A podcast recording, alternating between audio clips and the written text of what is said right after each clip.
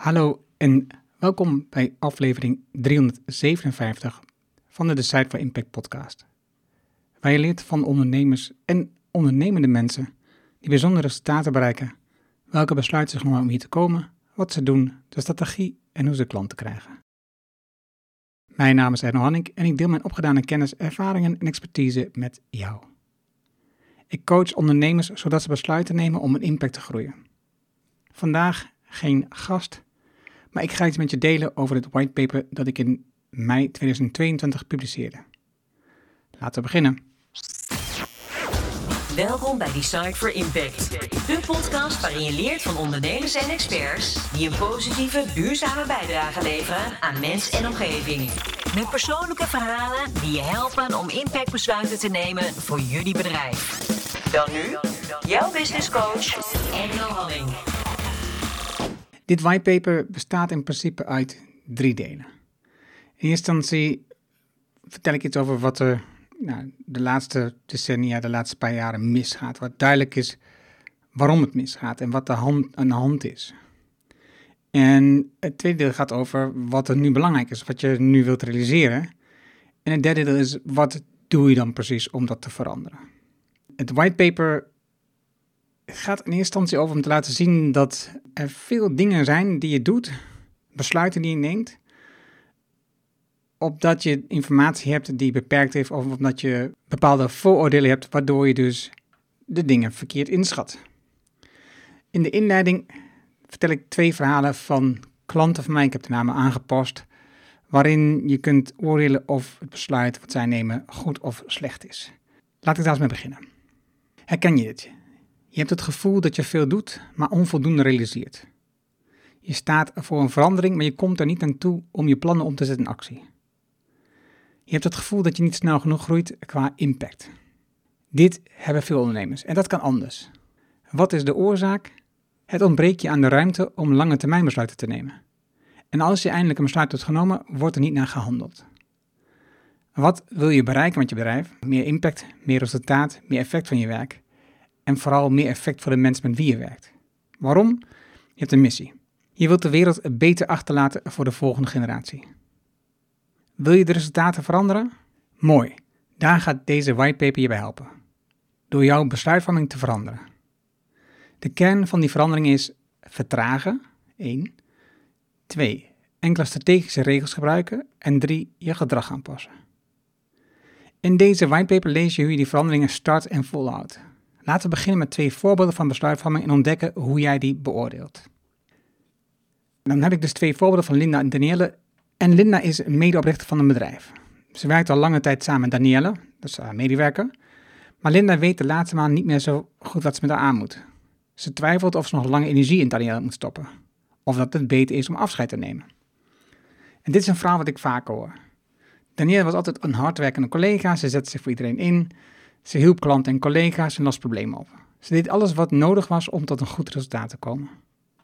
De laatste maanden is dat veranderd. Ze klaagt regelmatig over alle veranderingen in het bedrijf en dat heeft een negatieve invloed op de sfeer in het bedrijf. Daarnaast krijgt ze haar werk niet meer af, waardoor haar collega's die al vol zitten nog harder moeten werken. Wat denk jij dat Linda moet doen in deze situatie? Waarschijnlijk heb je nu al een beeld in je hoofd gevormd wat je zou doen als jij deze Danielle als collega had, als medewerker had, en welke keuze je zou nemen. Je had waarschijnlijk al je advies aan Linda in je hoofd klaar. Dat is namelijk iets waar wij, jij en ik, bij mensen goed in zijn. Op basis van beperkte informatie snel een keuze maken. Je hebt je besluit al genomen met de informatie die ik je net heb gegeven. Met het gevoel dat dit al informatie was die je nodig had voor een goed besluit. Maar wat als je boven wat ik je net vertelde niet het verhaal is wat je zou moeten weten voor een beslissing, dat het niet compleet is? Want wat je bijvoorbeeld mist is de kant van Danielle. Wat speelt er bij haar? Hoe heeft zij de afgelopen maanden ervaren? Wat is de oorzaak van haar veranderende verhouding? En wat heeft Linda voor Danielle gedaan sinds de verandering bemerkte? Zou het helpen als Danielle een andere rol in het bedrijf krijgt, waar ze beter in past? Ik heb je een beetje gedrukt natuurlijk, maar bewust een deel van informatie gegeven, namelijk die hoofdzakelijk gezien vanuit Linda en de rest is weggelaten. En toch denk je, jij en ik zou precies hetzelfde doen, een besluit kunnen nemen en op basis van die eenzijdige informatie advies geven aan Linda. Of hetzelfde doen als deze situatie in ons eigen bedrijf zo is. Je ziet niet dat er meer informatie nodig is om een beter besluit te nemen. En dat is de essentie, het basisprobleem bij alle besluitvorming. Die informatie die je ziet is zelden alle informatie die je nodig hebt om tot een goed besluit te komen. Maar je vergeet regelmatig om verder te kijken dan de eerste informatie die je krijgt. En dat heeft vaak met een tijdprobleem te maken. Andere situatie, andere klant, maar kijk eens of je het kent. Irene heeft een bedrijf met twee locaties. Ze richt zich op het gezond houden van mensen en het helpen van hun herstel als ze onverhoopt toch ziek worden. Irene biedt een compleet aanbod in de begeleiding van de gezonde mens en de mens die worstelt met zijn fysieke gezondheid. In 2019 moest ze voor één van haar twee locaties besluiten of ze de huur wilde verlengen voor nog eens vijf jaar. En in haar dromen heeft ze echter al een tijdje een beeld voor ogen van één groot gezondheidscentrum waar alles samenkomt. Eén locatie waar de cliënten terecht kunnen. Irene gaat in gesprek met verschillende mensen om te onderzoeken of ze haar droom, een groot gezondheidscentrum op één locatie, kan realiseren. Het gaat goed met het bedrijf. Het aantal cliënten dat haar praktijk bezoekt neemt toe, net als het aantal medewerkers. Irene is zelf de afgelopen jaren gegroeid naar een andere rol in het bedrijf. Van fysiotherapeut is ze meer ondernemer en leider geworden. Ze gaat er besluit of ze de huur van de ene locatie nog wil verlengen of dat ze beide locaties naar een andere ruimlocatie wil verhuizen, goed onderzoeken. Irene heeft een uitgebreid netwerk waarmee ze in gesprek gaat. Met de informatie die hier uitkomt, besluit ze om de huur van de ene locatie niet te verlengen en een optie voor een nieuwe grote locatie grondig te onderzoeken. Ze gaat daarnaast op zoek naar middelen om dat te kunnen financieren. Uiteindelijk vindt ze een nieuwe grote locatie en twee investeerders met wie ze het pand koopt en gaat verbouwen, op basis van de plannen die ze heeft. Kort nadat het pand gekocht is, krijgt de wereld met een pandemie te maken. Je kent de situatie. En moet ze van overheidswegen voor een nog onbepaalde tijd verplicht haar deuren sluiten. Alle collega's zitten thuis en proberen van daaruit de cliënten op afstand zo goed als kan via het beeldscherm te helpen. Door deze manier van werken kunnen ze echter veel minder mensen helpen. En Irene mist veel omzet. Allerlei vaste kosten lopen gewoon door. Het is een lastige periode voor Irene. Wat denk je? Was het niet zo'n handig besluit van Irene om de twee gehuurlocaties af te stoten en één andere grote pand te kopen? Of had ze gewoon pech?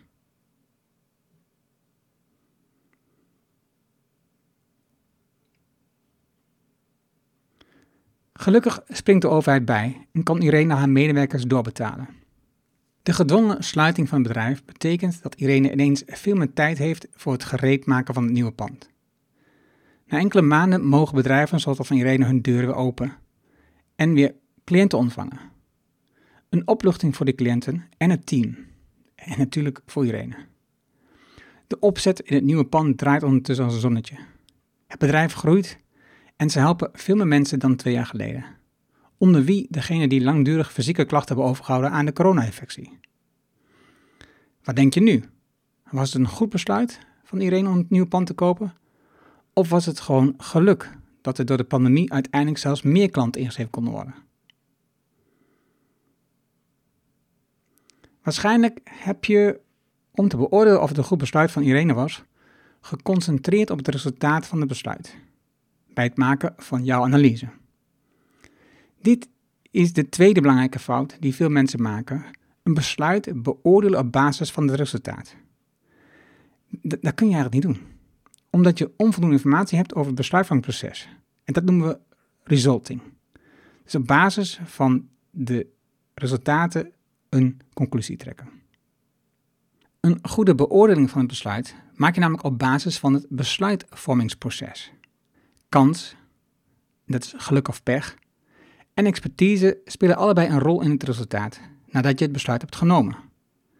Als je betere besluiten wilt, dan is het belangrijk om je besluitvormingsproces te veranderen. Zo geef je minder gewicht aan externe pech als het resultaat slechter uitpakt dan je verwacht. en minder gewicht aan je eigen expertise als het resultaat goed uitpakt. Er zijn veel elementen die effect hebben op het resultaat nadat je een besluit hebt genomen. De kansfactor speelt de belangrijkste rol in het resultaat. Je hebt weinig tot geen invloed op de elementen die bepalen wat het resultaat is. In het voorbeeld van Linda besluit je om afscheid te nemen van Danielle.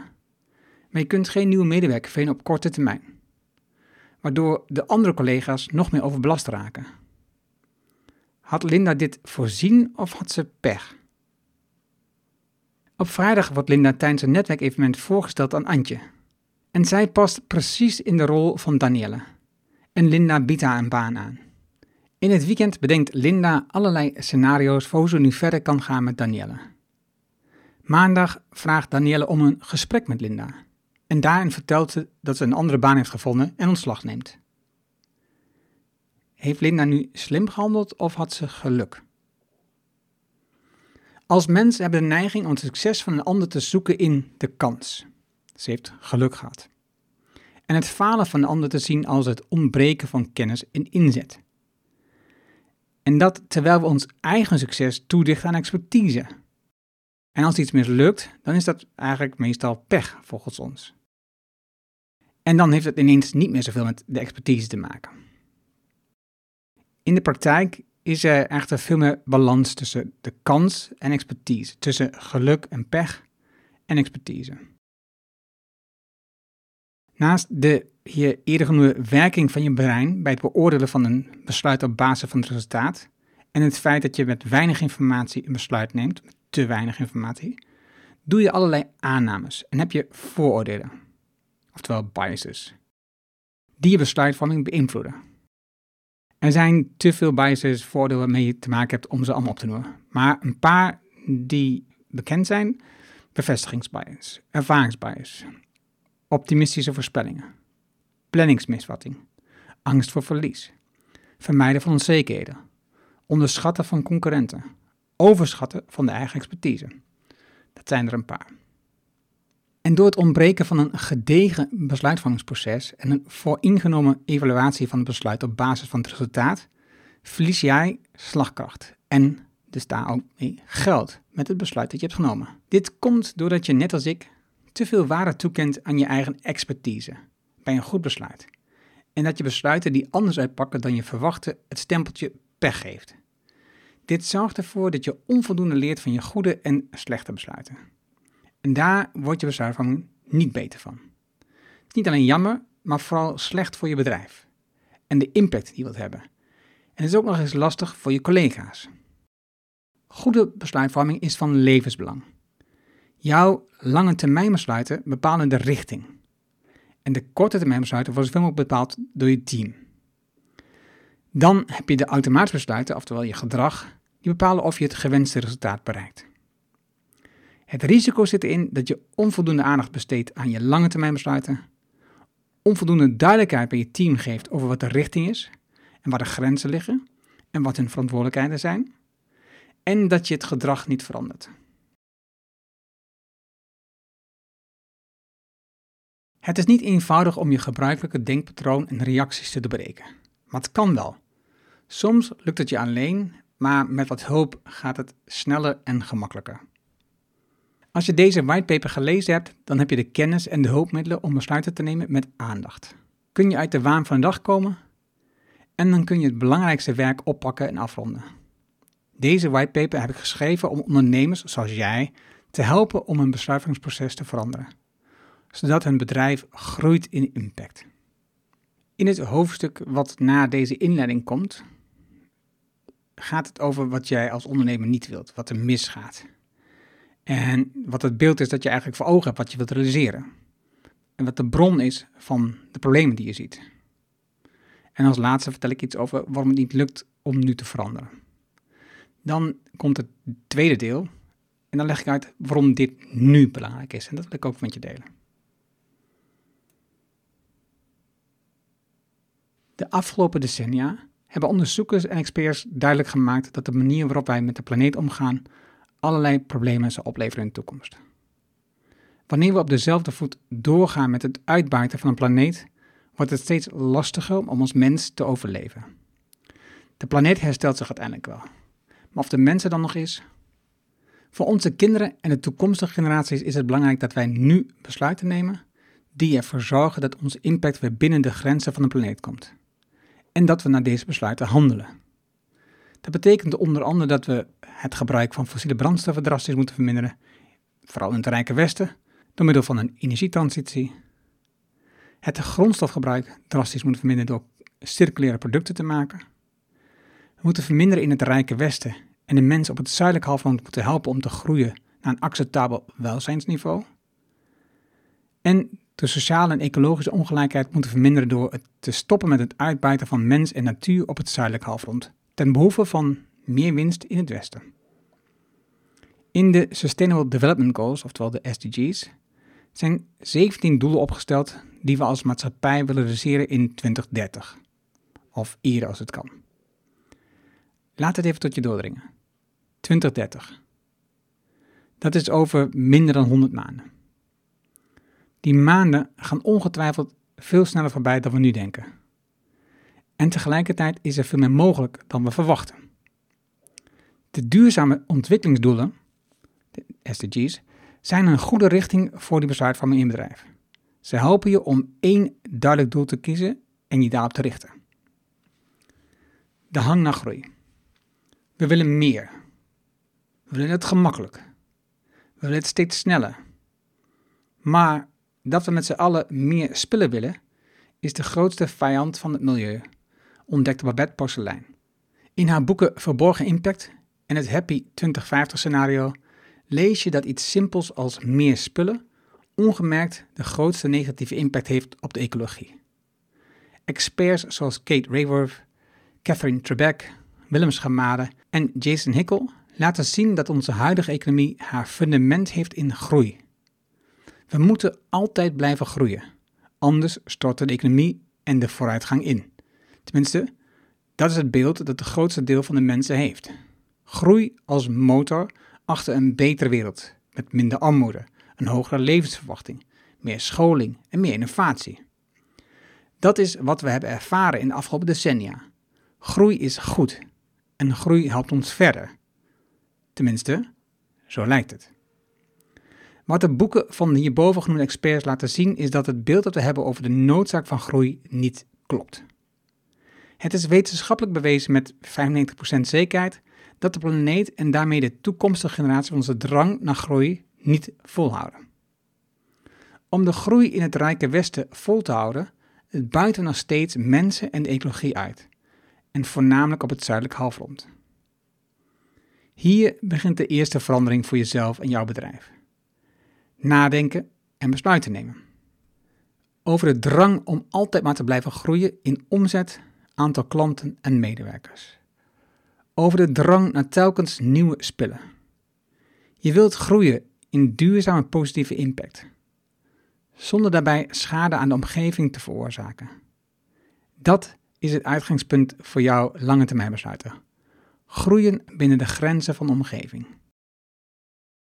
Met de lange termijn besluiten als basis werk je enkele strategische richtlijnen uit, zodat iedereen in jouw team met vakmanschap het vertrouwen heeft om zelf snel de korte termijn besluiten te nemen, zodat jouw team verder kan zonder dat ze jou om besluiten vragen. Dan komt het lastigste deel: verandering van het gedrag.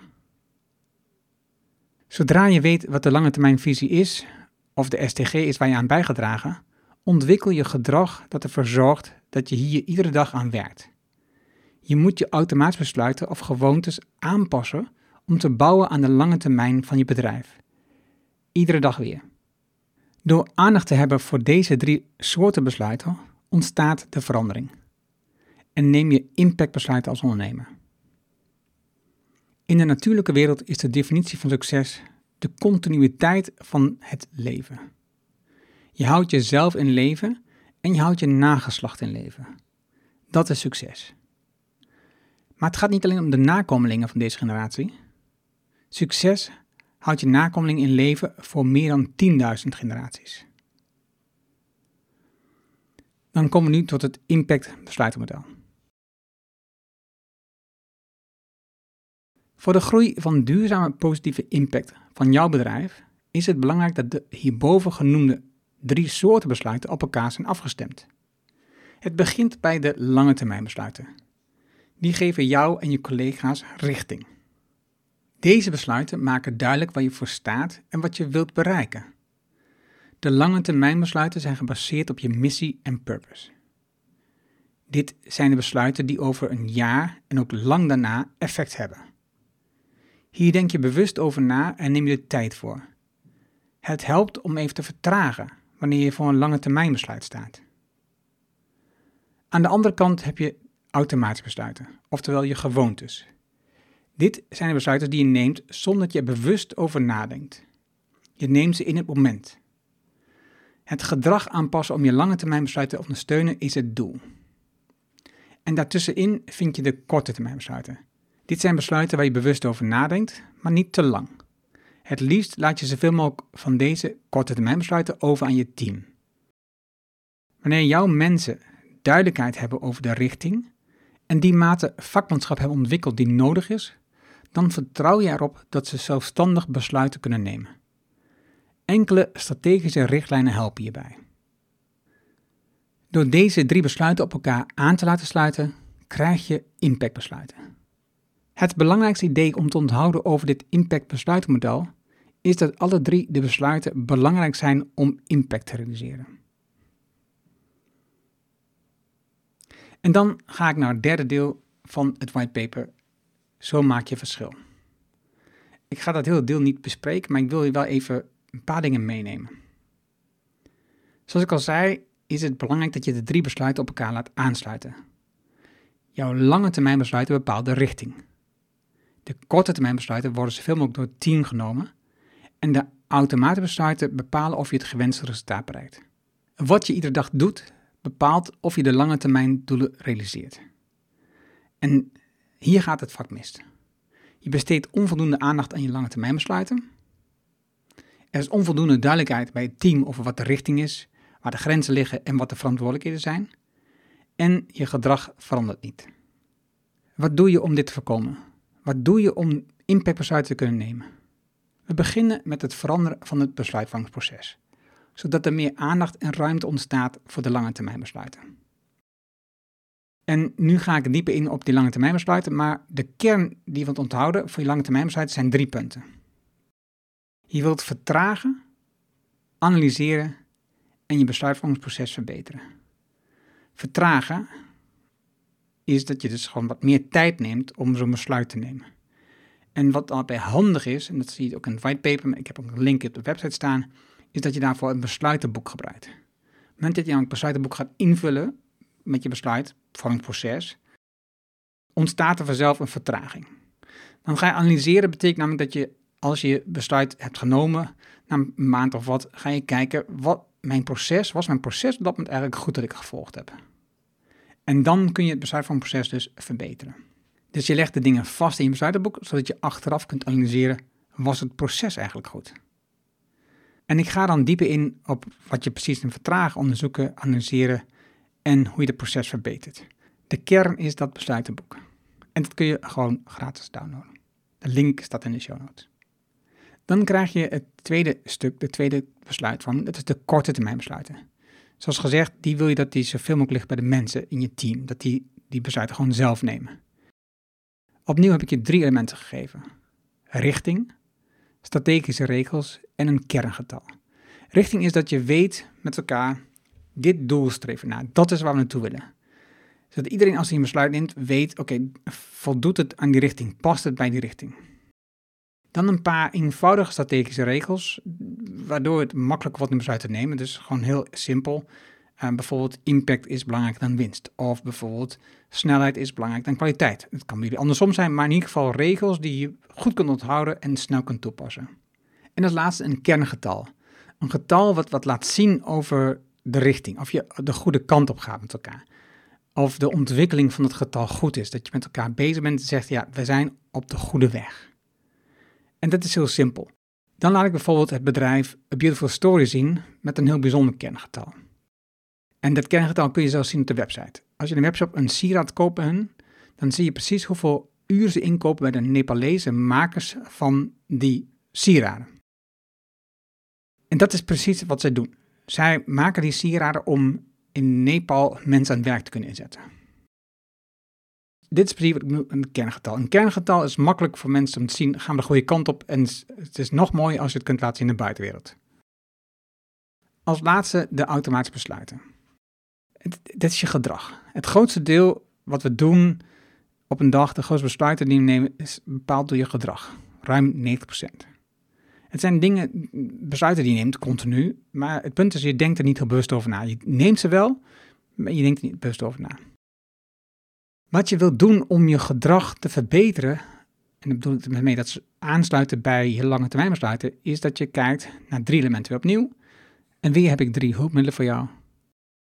Bij de automatische besluiten zijn het drie doelen per dag, een focusblok en accountability. Drie doelen per dag. Het is heel simpel. Stel een lijstje op, elke dag opnieuw, met de drie belangrijkste doelen die je die dag wilt realiseren. Eigenlijk is het zo, als je die drie, drie doelen hebt gerealiseerd, dan is je dag klaar. Dan zou je kunnen stoppen. Dat doe je meestal niet, maar dat zou kunnen. Die drie doelen kunnen klein en die kunnen ook groot zijn. En als het heel groot is, misschien moet je één doel stellen.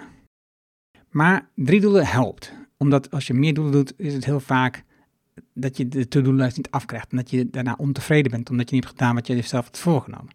Drie doelen krijg je eigenlijk altijd wel af. Dan heb je een focusblok, een blok waarin je heel geconcentreerd, zonder afleiding, dus je doet de telefoon uit, alle andere afleidingen doe je uit, werkt aan die drie doelen. Dat betekent dat je gemiddeld 40 minuten per doel hebt. En kom je met een doel op dat moment klaar, dan krijg je hem niet af, schrijf hem door naar morgen en ga je dan verder aan. Definieer opnieuw wat je dan dag gaat doen en maak het af. En een hele handige tip daarbij is dat je een witte A4, een blanke A4 naast je neerlegt tijdens dat focusblok. Want als je eenmaal heel geconcentreerd bezig gaat met iets dergelijks, schieten je allerlei dingen binnen die je ook nog even moet doen. En dat even doen, dat is funest als je dan ook werkelijk gaat oppakken. Dus schrijf ze op het A4'tje op, dan zijn ze dan uit je hoofd en kun je ze later gewoon rustig oppakken. Ik heb een handig uh, middeltje hierbij hoe je dit kunt organiseren met die drie doelen. En als laatste hierbij is de accountability. Wat je het beste kunt doen is iemand inschakelen, iemand erbij zetten, iemand inhuren die je helpt om je vast te houden aan je doelen. Als je namelijk dat extern organiseert, dan heb je iets van iemand die toch als een soort vreemde ogen je dwingt om je doelen te realiseren, die ook vragen aan je kan stellen, die een beetje het, de advocaat van een duivel kan spelen soms, maar die helpt je gewoon om je doelen snel te realiseren. Dit was mijn whitepaper. En wil je nu kort en snel mee beginnen, dan zijn daar een paar elementen die ik doe. Het eerste is, doe ieder strategisch besluit, vertraag, analyseer en verbeter het besluitvormingsproces. Ten tweede, laat je mensen zelf besluiten. Wat hebben je mensen in je team nodig om zelf besluit te nemen? Richting, strategische regels en een kerngetal. En als laatste, pas jouw eigen gedrag aan. De belangrijkste stap in de richting naar de lange termijn besluiten goed te nemen, is je gedrag van vandaag aanpassen. En dat is drie doelen per dag, een focusblok waarin je die doelen uitwerkt en accountability, iemand die je houdt aan die dingen die je moet doen vandaag. Dit whitepaper kun je gewoon gratis downloaden op mijn website. Daar zie je ook de bronnen die ik gebruik, de literatuur die ik gebruik, aanwijzingen, verdere tips en suggesties. Ja, er staat ontzettend veel in. Ik ben heel erg blij dat het whitepaper gepubliceerd is in een tijd die voor mij niet eenvoudig was. Want ik heb namelijk het laatste restje afgemaakt terwijl ik in het ziekenhuis was bij mijn vader. Ik ben super blij dat het whitepaper is en ik gebruik het ook in de gesprekken tegenwoordig om te laten zien waarom het zo belangrijk is dat we werken aan onze lange termijn besluiten om echt onze toekomst, maar vooral de toekomst van de volgende generaties veel beter vorm te geven en veel meer uitzicht te geven. In deze tijd zijn er enorm veel kansen. Er is veel mis, maar ik denk voor jou en voor mij als ondernemer zijn er vooral veel kansen. En daarbij is het van belang dat je weet wat je moet doen. Daarbij is het van belang dat je de ruimte neemt om de lange termijn besluiten goed de tijd voor te nemen, de ruimte voor te maken. met afstand te nemen, mensen te vragen om advies en suggesties op jouw besluit. Want dan krijg je meerdere inzichten dan alleen die eigen. En wat helpt, en dat zie ik bij ook zeker zelfsturende organisaties, is dat je heel veel van die besluiten die eigenlijk niet bij jou terecht hoeven te komen door je dag veel vrijer wordt, bij je team neerlegt. Laat. Wat ik vaak hoor van ondernemers is dat ze gaan willen, is dat een team veel initiatiefrijker wordt, veel meer ideeën laat zien. Dat kan alleen maar als ze besluiten mogen nemen, dat je ze de vrijheid geeft om fouten te maken, om de dingen mis te laten gaan als het niet zo ging zoals jij had verwacht. Dus geef ze de ruimte om te falen en laat telkens zien op basis van de dingen die ze goed doen, waar je het zoekt, waar je wil dat de verandering vandaan komt. En als laatste verander je eigen gedrag. Doe de dingen iedere dag opnieuw die bijdragen aan jouw lange termijn besluiten. Dit onderwerp om na te denken met elkaar over hoe we gezamenlijk de sociale en ecologische ongelijkheid kunnen terugdringen, dat is wat mij drijft. Hoe jij als ondernemer meer impact realiseert en ook meer winst haalt met je bedrijf, dat is grappig nog precies wat dit whitepaper beschrijft. Daar gaat het gewoon over. Dus als jij werkt aan meer impact met je bedrijf en ook nog meer winst omdat je meer ruimte hebt en de juiste dingen doet met focus, dan bereik jij samen met mij dat doel wat ik wil realiseren: het terugdringen van de ecologische en sociale ongelijkheid.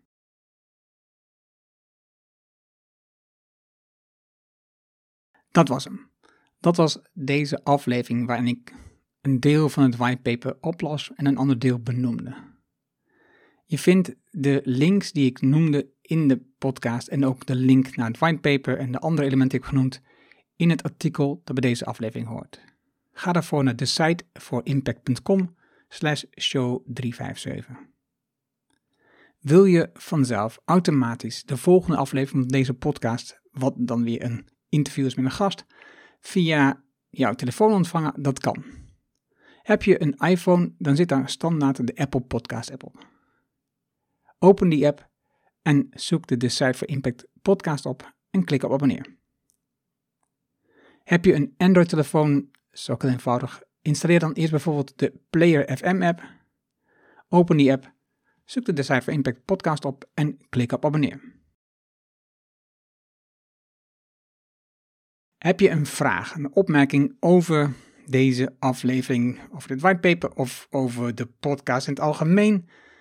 Stuur dan een e-mail naar podcast@decipher.impact. Ik hoor super graag van jou en ik lees iedere e-mail en ik reageer ook op iedere mail. Dus wil jij meer impact, meer resultaat, meer effect van je werk en vooral meer effect voor de mensen met wie je werkt? Download dan het whitepaper Winst en Impact met lange termijn besluiten. Dit haal je op op decideforimpact.com. Dit is mijn nieuwste whitepaper en je downloadt het daarom helemaal gratis. Je hebt geen e-mailadres nodig.